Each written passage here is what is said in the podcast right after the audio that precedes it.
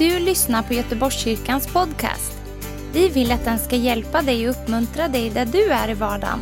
Vill du veta mer om oss så gå in på www.goteborgskyrkan.se.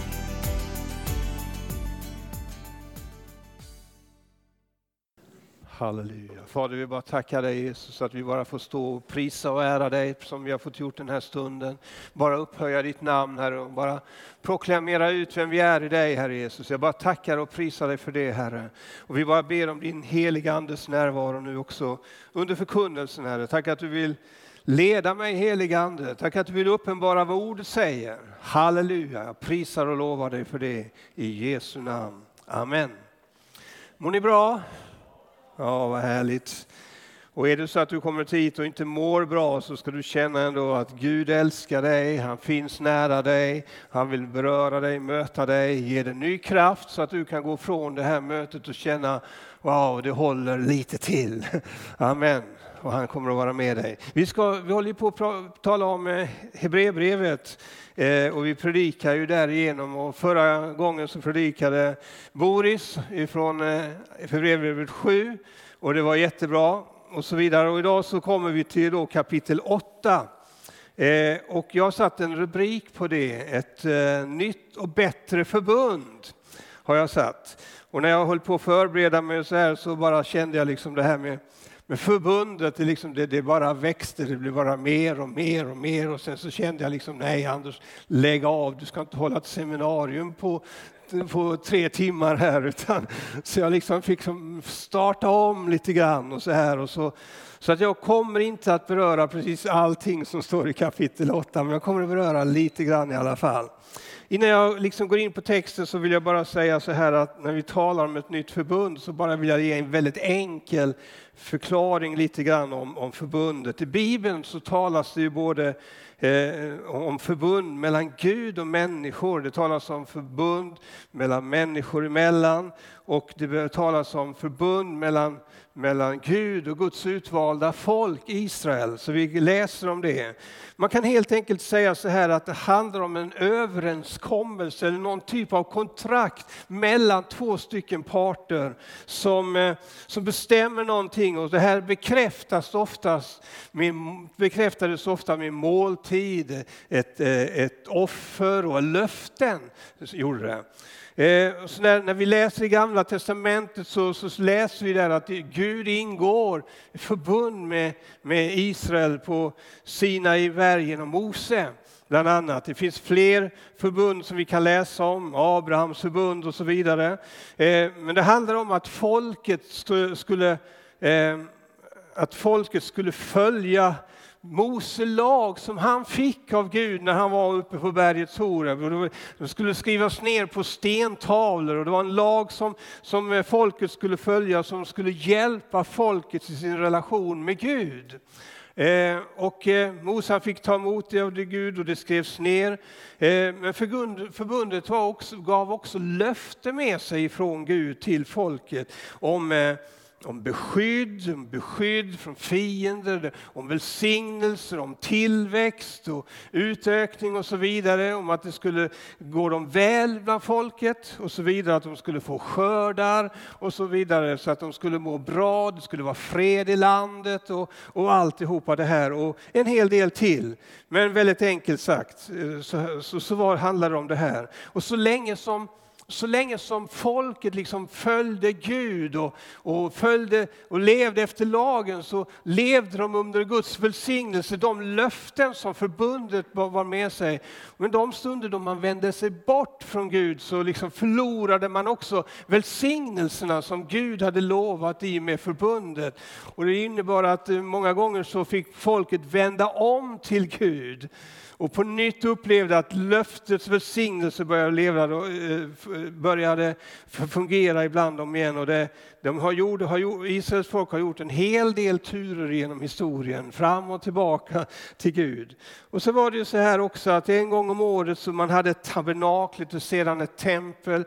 Då man hade präster, de levitiska prästerna, man hade den överste prästen som en gång om året liksom man offrade så fick han gå in och offra blodet blodet från offret in i det allra heligaste och så fick folket uppleva förlåtelse för sina synder. Bara lite grann enkelt förklarat, snabbt här. Nu går vi in till i kapitel 8 och så läser vi från de första fem verserna här. Eh, då står det så här, här är huvudpunkten i det vi säger. Vi har en sådan överstepräst som sitter på, på, på högra sidan om majestätets tron i himlen och som tjänar i helgedomen, det sanna tabernaklet som Herren själv och ingen människa har rest. En överstepräst blir insatt för att frambära, frambära gåvor och offer och därför måste också Kristus ha något att frambära. Hade han nu varit på jorden så skulle han inte ens vara präst eftersom det redan, fanns, fin, redan finns andra som bär fram de offergåvor som lagen föreskriver.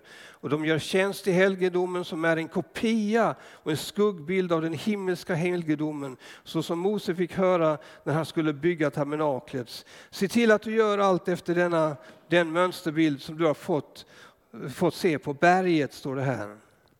Jag vill bara säga så här att det vi ser här, vi läser första meningen så står det att huvudpunkten, eller man skulle också kunna säga så här att det viktigaste av vad det är som, som och summan av det som vi, vi säger, som vi redan har sagt. Och vi har under ett antal söndagar, vi har kapitel 4, 5, 6, 7 som vi har talat om, där vi har talat om Jesus som överste präst. Boris talade förra gången om, om, om eh, Jesus han var en överstepräst som Melkisedek, så gå gärna tillbaka och lyssna på det. Så att du liksom får följa med. Så jag ska försöka att inte gå in på de sakerna. Men det vi ser också i kapitel 7, när vi läser vidare, är det som inte, det som inte Boris han går in på. Jag ska bara säga det helt kort att Jesus han var en präst för evigt. Eh, de prästerna som, som, vi hade, som, som gamla förbundet hade i Israel, de levde ett antal år, sen dog de och så förnyade man dem och så blev det en ny präst. Och så där höll det på hela tiden. Men Jesus, när han kom så, så, så, så talar kapitel 7 om att han är en präst för evigt. Han är oförgänglig. Det innebär att när det Jesus gjorde på Golgata kors, vi kommer in på det senare, det är någonting som håller jämt alltid, än idag och ända till den dagen Jesus kommer för att hämta hem sin församling. Det är alltså ingenting som har en, ett slut. Och Det innebär att det som han har gjort, det gäller fortfarande. Vi kan lita på det därför att han är en präst för evigt.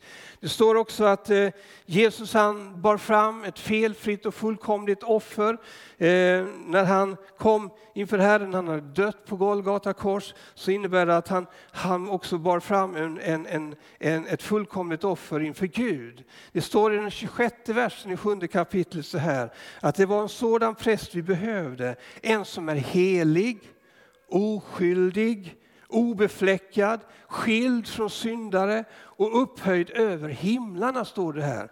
Det innebär att, alltså att Jesus, när han dog på korset, så var han ett felfritt lamm. Han var ett felfritt offer. För Jesus han levde här på jorden som människa, men han var utan synd. Han var utan synd. För att hade Jesus syndat när han vandrade här på, på, på, på jorden så hade hans offer inte hjälpt in i himlen. Utan han var utan synd, han var obefläckad, han var eh, eh, syndfri och så vidare. Gamla förbundets eh, präster hade inte de här kvalifikationerna. Utan det var så att när prästerna skulle gå in och ge offer och när översteprästen skulle gå in så fick de själva offra först för sin egen synd. För att sen i sin tur när man hade blivit renad från synden gå in i det allra heligaste och offra för folkets synder. När Jesus kom som överstepräst så, så, bar han inte, så bar han fram ett, ett offer som var felfritt, som var syndfritt. Han behövde inte offra för sitt egen synd först, för han var syndfri. Och så vidare. Så att det, det är fantastiskt. Läs gärna sjunde kapitlet till slut där också.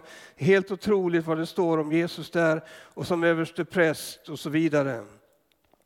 Så att eh, när, när, när Johannes döparen han ser Jesus komma vid Jordans, vid Jordans strand där han skulle döpa och det blev att han skulle döpa honom. Så ser han Jesus gående där och så säger han där, se Guds lam som borttar världens synd. Så Jesus han var, alltså Jesus han var offret själv. Han offrade sig själv på Golgata kors. Han var ett offerlamm och han var ett felfritt offerlamm som han bar fram. Det var så att Jesus han var egentligen både, han var ju både präst och han var offret. Så det var inte så som Jesus gjorde som man gjorde då i gamla förbundet. Han tog inte med sig någon get eller något lamm in för att offra. Utan när Jesus han träder in, när han har dött på Golgata och träder in inför tronen i det himmelska tabernaklet, i det himmelska templet, så bär han inte någonting med sig utan han går fram själv, både som överstepräst och som offer. För han var offerlammet. Du kan tänka dig när, när Gud, Fadern, han ser liksom sin älskade son komma in offrad, slagen, misshandlad för våra synders skull, hängd på ett kors. När han ser honom komma in, slagen, sårad och nästan till oigenkännlighet. När han ser sin egen älskade son komma där. Jag kan tänka mig hur det, hur det känns i hans faders hjärta när han, när han, liksom, när han, när, när han ser sin egen son som han, som han själv har offrat av kärlek till människorna, kommer in där. Så kommer Jesus in, in, in, in, in i det allra heligaste i himlen så möter han Gud. Han kommer som ett felfritt offer, lamm, in till Guds tron, till Gud Fadern själv. Eh, och så står det så här, eh, så, så, läste vi så här i det första kapitlet, eller första versen så här att, att det här, här är huvudpunkten i det vi säger. Vi har en sådan överste präst som sitter på den högra sidan om majestätets tron. Så det som hände när Jesus hade hängt på korset, dött på korset. Det som hände det var att han var in i det, inte ett mänskligt tabernakel som var som var bristfälligt, utan han kom in i det fullkomliga templet i himlen, där Gud, Fadern sig själv sitter, där Gud har sin tron. Där kommer han in och så, så, så, så ser Fadern honom och tar emot hans offer. Och när han tar emot hans offer så, så godkänner Fadern i himlen, Gud Fadern i himlen, Jesu offer. Och han säger att det, och i och med att han talar om för dem att sitt ner här på min högra sida, så proklamerar han att det är fullbordat. När Jesus han hänger på korset så säger han att det är fullbordat, säger han. Och Det innebär att Jesu uppdrag var färdigt men så bär han fram sitt offer för att också få det godkänt av Gud. Och när han kommer inför tronen så, så, så konfirmerar Fadern Sonens offer. Det är fullbordat och han sätter sig på tronen på hans högra sida som innebär att nu är det färdigt. Det är gjort. Du vet i gamla förbundet i, i tabernaklet, i templen, där fanns det aldrig en stol. Prästerna kunde aldrig sitta ner i templet för att deras verk kunde aldrig fullbordas. Utan det var hela tiden ett nytt offer som behöver offras. Och sen så var det ytterligare ett offer. Och så, så där fick de hålla på. Och när det har gått ett år så kom det ett år till där man fick fortsätta så att säga. Så de blir aldrig färdiga. Det blir aldrig fullgjort. Men när Jesus lyfter in sitt, sitt offer i himlen så blir det fullbordat. Och han sätter sig ner på tronen tillsammans med Fadern. Och det är klart. Amen. Halleluja. Det är klart. Och därför säger Bibeln också, så här, nu ska, det här är så stort, fantastiskt, tycker jag i alla fall. Men, och så säger Bibeln också att när, när, när, när, när Jesus han kommer inför tronen där, så blir han upphöjd av Gud. Han blir upphöjd, du läser i Filipperbrevet 2.9. Därför har Gud också upphöjt honom över allting och gett honom namnet över alla namn. För att i Jesu namn alla knän ska böjas i himlen, på jorden och under jorden och alla tungor bekänna vadå? Att Jesus Kristus är Herren, Gud, eh, Fadern till ära, står det där. Halleluja. Så att när Jesus han kommer in och det är fullbordat så blir han upphöjd. Han blir ärad för det som han har gjort. Hans namn blir över alla andra namn. Han har all makt i himmelen och på jorden. Det finns ingenting som är under honom, utan han är över allting. Han är över makterna i avgrunden. Han är över synden. Han är över djävulen. Han är över sjukdom. Han är över allting. För han har all makt i himmelen och på jorden. Och Gud, Fadern, har själv upphöjt honom i himlen. Och därför min vän, så kan du och jag få ta emot hans nåd idag. Därför min vän, så kan du och jag få börja leva i ett nytt och bättre förbund idag på grund av vad han har gjort på Golgata kors och på grund av att han sitter på tronen idag. Förhärligad, upphöjd över allting annat. Amen. Halleluja. Och när han sitter där också Amen. när, han sitter på, när han sitter där han sitter på tronen idag så är han inte overksam på något sätt. Utan Jesus han sitter, han är aktiv på tronen. Bibeln talar om i första Johannes 2.1 att men eh, om någon syndar så har vi en som för vår talan inför Fadern. Jesus Kristus den rättfärdige. Idag sitter han på tronen och han tjänar, han betjänar människor över hela världen, över hela jorden idag. Han betjänar det utifrån tronen i himlen, utifrån att han har all makt, att han kan förlåta synder. Så betjänar han människor. Han för din och min talan inför Gud Fadern idag. Amen. Halleluja. Ett nytt och bättre förbund. Vi kan läsa några verser till, vers 68. Men nu har Kristus ett högre prästämbete, liksom han också är en medlare för, att, för ett bättre förbund som är grundat på bättre löften. För om det första förbundet hade varit utan brist så skulle det inte behövas ett andra. Men Gud förebrår dem när han säger, se dagar ska komma, säger Herren, då jag ska sluta ett nytt förbund med Israels hus, med Judahus. Eh, det, det gamla förbundet, det var, det var aldrig fullkomligt. Eh, det gamla förbundet, det var en förebild på någonting som skulle bli bättre. Amen. Så att, och det här det var inte så att liksom Gud plötsligt kom på efter ett tid i gamla förbundet att det här var inte tillräckligt bra. Utan, utan Gud visste hela tiden, Gud hade en plan. Gud förberedde någonting med det gamla förbundet som sen skulle leda in till någonting som var större, bättre och starkare. Och det, det är det vi har talat om, den liksom själva övergången har vi talat om idag, när Jesus, nu när Jesus sitter på tronen idag. Eh, men, men det pekade, pekade alltid fram på någonting som var bättre. Det, det liksom, men det lag, lagen var ju begränsad. Lagen liksom satte standarden. Men lagen gav aldrig människor kraft att leva upp till standarden. Utan den bara liksom gav mig upply och dig upplysning om att det här är de tio budorden, det här är liksom vad som krävs på något sätt. Va? Men vi, människan fick aldrig kraft utifrån lagen att leva upp till den. Och det gjorde att det, det blev lite av en förbannelse många gånger i och med att vi, vi människor, vi misslyckas. När försoningen hade gått ut, översteprästen hade varit inne och försonat folkets synder. Det, det kunde ju ta minuter så var man tillbaka i diket igen, eller hur?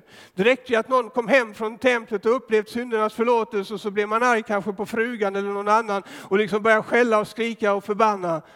Så var man ju där igen, eller hur? Så fick man ju leva med det. Så fick man göra om det sen igen. Så att den hade sina brister.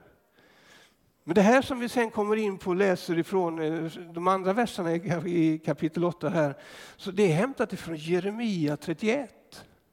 Alltså någonstans 650, någonstans 600-700 år innan det här händer så talar Gud om att han ska komma med ett nytt och bättre förbund. Han hade förberett det ett förberett med ett nytt förbund med bättre löften och så vidare. Om du tänker på de löftena som tillhör det gamla förbundet, jag hinner inte gå igenom dem alltså, men de handlade om livet här och nu.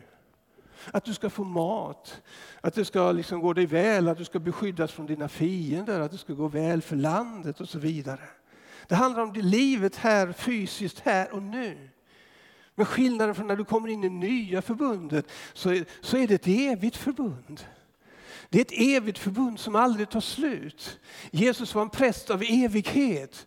Han var, han var en präst som, som en överstepräst som kommer att vara för alltid. Och det innebär att de löftena som vi tar emot i det nya förbundet, de går ända in i evigheten min vän. De handlar inte bara om din välgång, om att du ska ha bröd för dagen, att det ska vara fred i landet och så vidare. Utan de löftena ger en helt ny dimension som, som för dig och mig. Och eh, som sagt, vi skulle behöva tre timmar för att gå igenom det, det hela. Men eh, ett nytt och bättre förbund, min vän.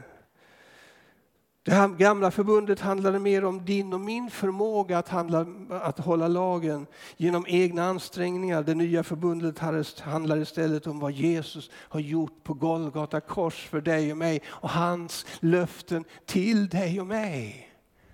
Där vi av nåd får ta emot det som han redan har gjort på Golgata kors för dig och mig. Vi går vidare och läser ifrån vers 10. Har lite stund till på mig. Va? Vers 10 i kapitel 8. Så står det så här. Nej, detta är det förbund som jag efter denna tid ska sluta med Israels hus, säger Herren. Och det här är från Jeremia 31 som man hänvisar till här. Och jag ska lägga mina lagar i deras sinne och skriva dem i deras hjärtan. Jag ska vara deras Gud och de ska vara mitt folk.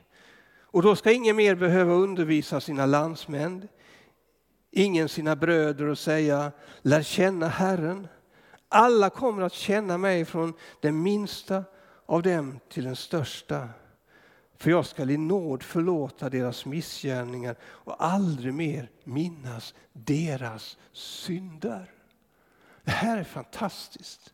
Det här är en del av nya förbundet som är dess bättre och starkare löften. Det finns tre saker som jag bara skulle vilja lyfta fram. Det finns mer naturligtvis när man talar om förbundet, men jag följer texten här. Det finns tre saker som jag vill lyfta fram. Nya och bättre, ett nytt och bättre förbund med bättre, starkare löften. Eh, och det, det första handlar om att lagen skulle inte längre vara en extern lag på lagtavlorna. En lag som var nerskriven, som du och jag kunde läsa utifrån att det är det här som gäller. Det här får ni och det här får ni inte. Det här ska ni, det här ska ni inte och så vidare. Det här är standarden och det här är inte standarden så att säga.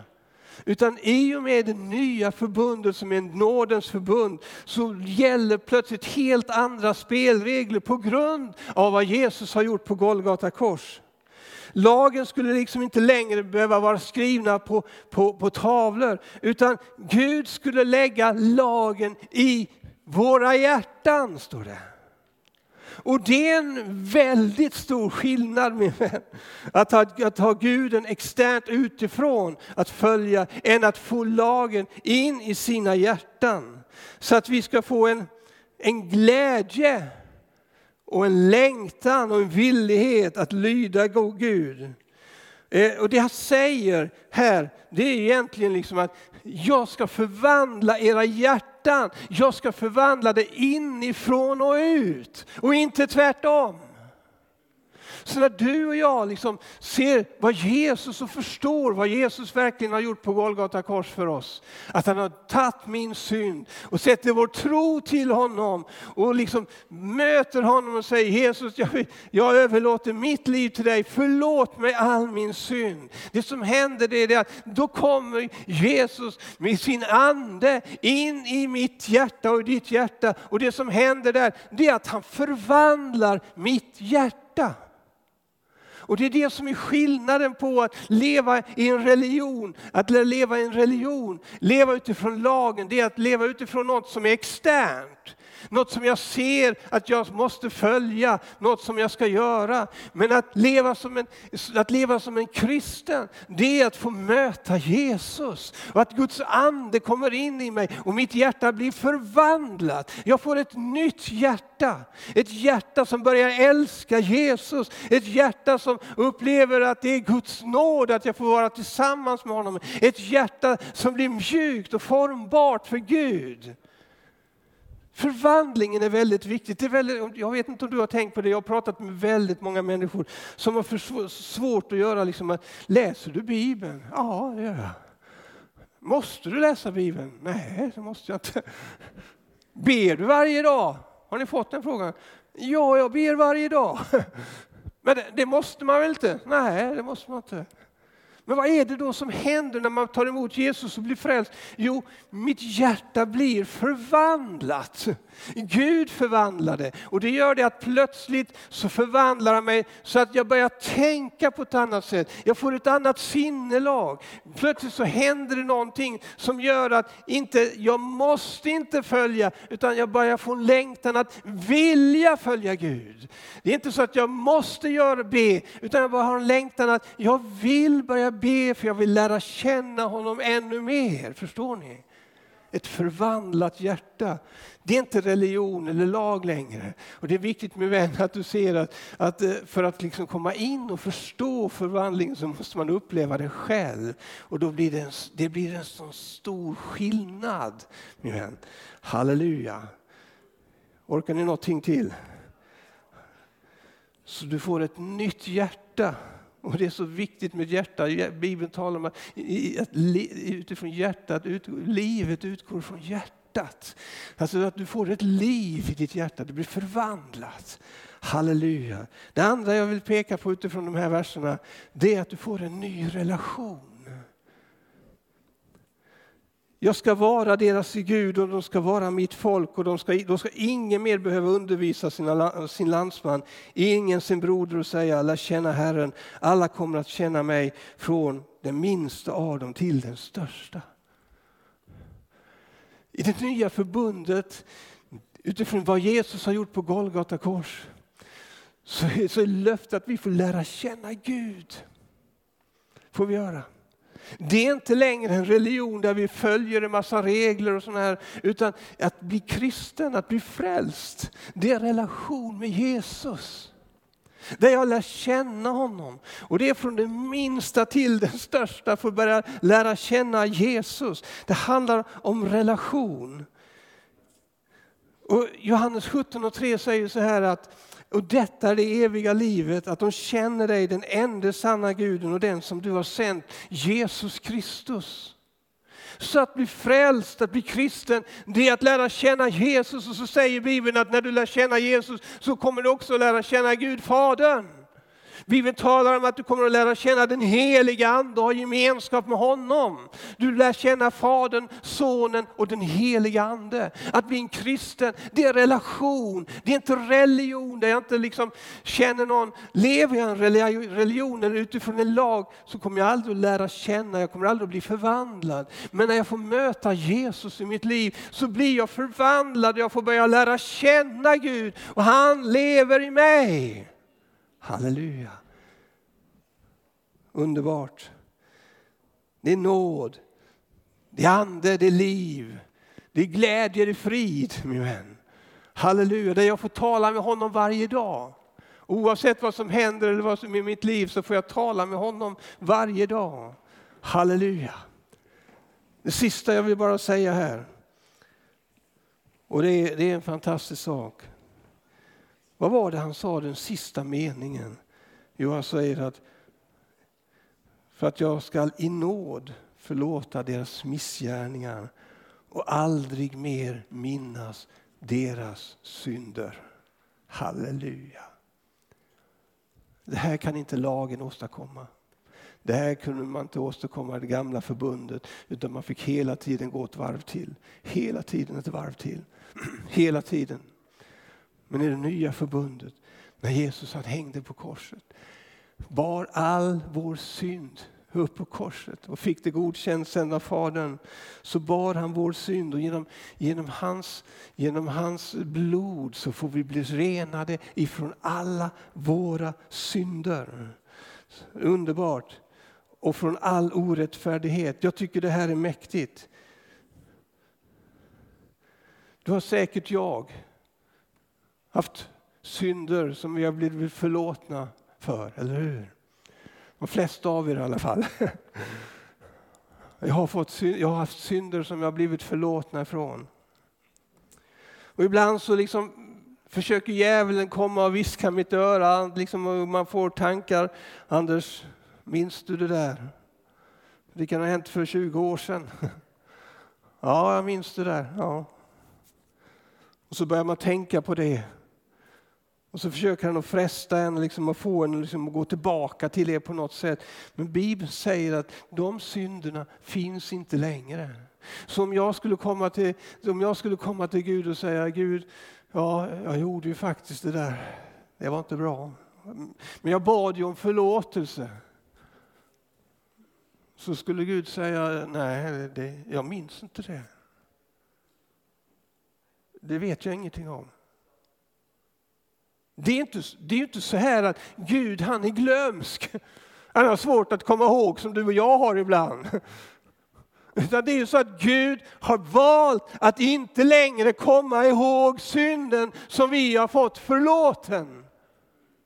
Och Det innebär att oavsett vad jag gått igenom och har jag fått mina synders förlåtelse så finns de inte längre. Jag kan vara fri och jag kan vara frimodig alla dagar framöver.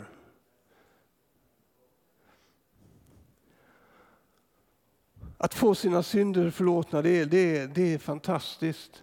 Det är fantastiskt. Att bara lyfta av det där och känna liksom, det är borta. Den skulden, den skammen man bar på. Men min vän, Gud han förlåter helt. Han förlåter helt. Och jag vet inte om det är så att, att du finns här idag som, som liksom på något sätt känner att du går och bär på någonting. Min vän, det finns förlåtelse genom Jesu blod idag. Och är det så att du liksom påminns om någonting som du en gång har bett om förlåtelse för, min vän, du är fri. I Guds ögon så finns inte det längre. Lyssna inte på det andra. Du är fri min vän från den synden. Halleluja. Ska vi ta och komma upp med lovsångsteamet?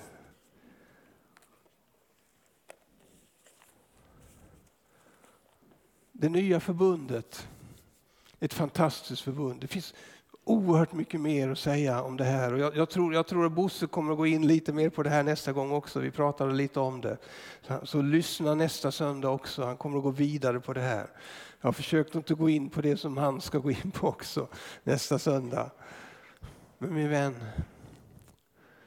Gud sände sin son för att offra sin son för din och min skull. För att du och jag skulle kunna få kontakt med Gud på nytt igen. Inte utifrån lagen utan utifrån nåden. Och Jesus han är här, han vill beröra dig och mig och möta dig och mig. Och jag vill bara, är det så att om det finns någon här som känner att jag vill bli fri från det som jag bär på. Så finns det fantastiska möjligheter idag för Jesus han är här. Och när du ber om, om förlåtelse för dina synder, då förlåter han så totalt så att han kommer inte att minnas det mer.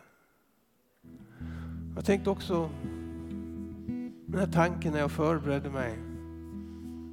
Ibland är det så lätt att fast man är frälst av nåd så är det så lätt att gå tillbaka liksom till det gamla på något sätt. Fast vi identifierar oss som Guds barn, som vi sjöng, och att jag tillhör honom. Jag är frälst av nåd och så vidare. Så kan det vara så, man, det kan vara så lätt ibland att liksom man börjar gå tillbaka till det gamla på något sätt, lite till det lagiska. Och så på något sätt så hjälper inte det mig. Jag tror att det är väldigt viktigt att man rent mentalt befinner sig i det nya förbundet tar emot Guds löften och lever utifrån dem. Det är så lätt att hamna där borta på något sätt, men där förlorar jag min frihet. Där förlorar jag liksom glädjen. Att man komma tillbaka till nya förbundet igen. Och bara liksom känna att jag får flytta mig lite grann. Ibland så kanske det är bara en tankegrej på något sätt. Att, förlåt mig Gud, nu har jag liksom börjat gå lite åt det hållet. Jag ställer mig här igen hos dig i nåden, i friheten, i glädjen. Jag vet inte om det är någon som känner så idag. Min vän, det är så lätt att flytta plats idag. Du kan gå från den sidan till den sidan idag bara och säga Jesus, här är jag. Ta emot mig igen. Ska vi resa på oss allesammans? Vi ska, vi ska sjunga en fantastisk lovsång tillsammans som Anders och Joel ska leda oss i. Jag tror att det här skulle kunna få bli en stund där vi liksom bara kan få söka Herrens ansikte tillsammans. Det är så många saker som berör oss när vi har talat om det. här. Vi behöver få ett förvandlat hjärta. Vi behöver ha en relation med Gud och våra synder är förlåtna. Och jag vet inte vad som finns på ditt hjärta idag, vad du har kommit hit med och vad du bär på. Men Jesus är här. Vi lever i det nya förbundets tid. Vi får be för varandra. Vi får be om för befrielse. Vi får be om frälsning. Är du inte frälst och tagit emot Jesus idag så kan du få bli frälst idag. Och ta emot Jesus i ditt liv och uppleva förvandlingen, uppleva relationen och uppleva syndernas förlåtelse. Eller så kanske du bara på nytt behöver närma dig honom igen. Idag är en jättefin stund där vi bara tillsammans kan få vara, tillhöra, eh, få, få vara med honom. Så var med och sjung i den här lovsången av hela ditt hjärta. Jag tror Lia kommer att fortsätta sen. Vi kommer nog göra en typ av inbjudan här om ett litet tag. Men eh, låt det här få vara en förberedelse. Sök Herren nu. Låt oss söka honom tillsammans. Och han kommer att bara, och bara beröra dig, möta dig och förvandla dig. Så Fader, jag bara tackar dig för din nåd, för din kärlek, Herre Jesus. Tack för allt som du har gjort här på Golgata kors, Herre Jesus. Tack för segern som du vann. Tack för att du är upprättad och upphöjd på Faderns högra sida idag. Tack att du har all makt i himmelen och på jorden. Tack att du har, kan, att du har makt att kunna frälsa och förlåta synder. Hela och upprätta oss, Herre Jesus. Tack att du kan förvandla våra liv idag, Herre Jesus. Och jag bara prisar dig att du vill öppna våra ögon så vi ser vad du har gjort och vem du är Jesus. Så att vi bara kan ge våra liv helt och hållet till dig den här dagen Herre Jesus. På nytt igen om vi behöver det Herre. Så jag bara tackar dig. Tack heligande för att du är här med din närvaro. Tack heligande för att du är här och bara berör oss. Tack att du är här med din kraft heligande. Jesu namn. Amen.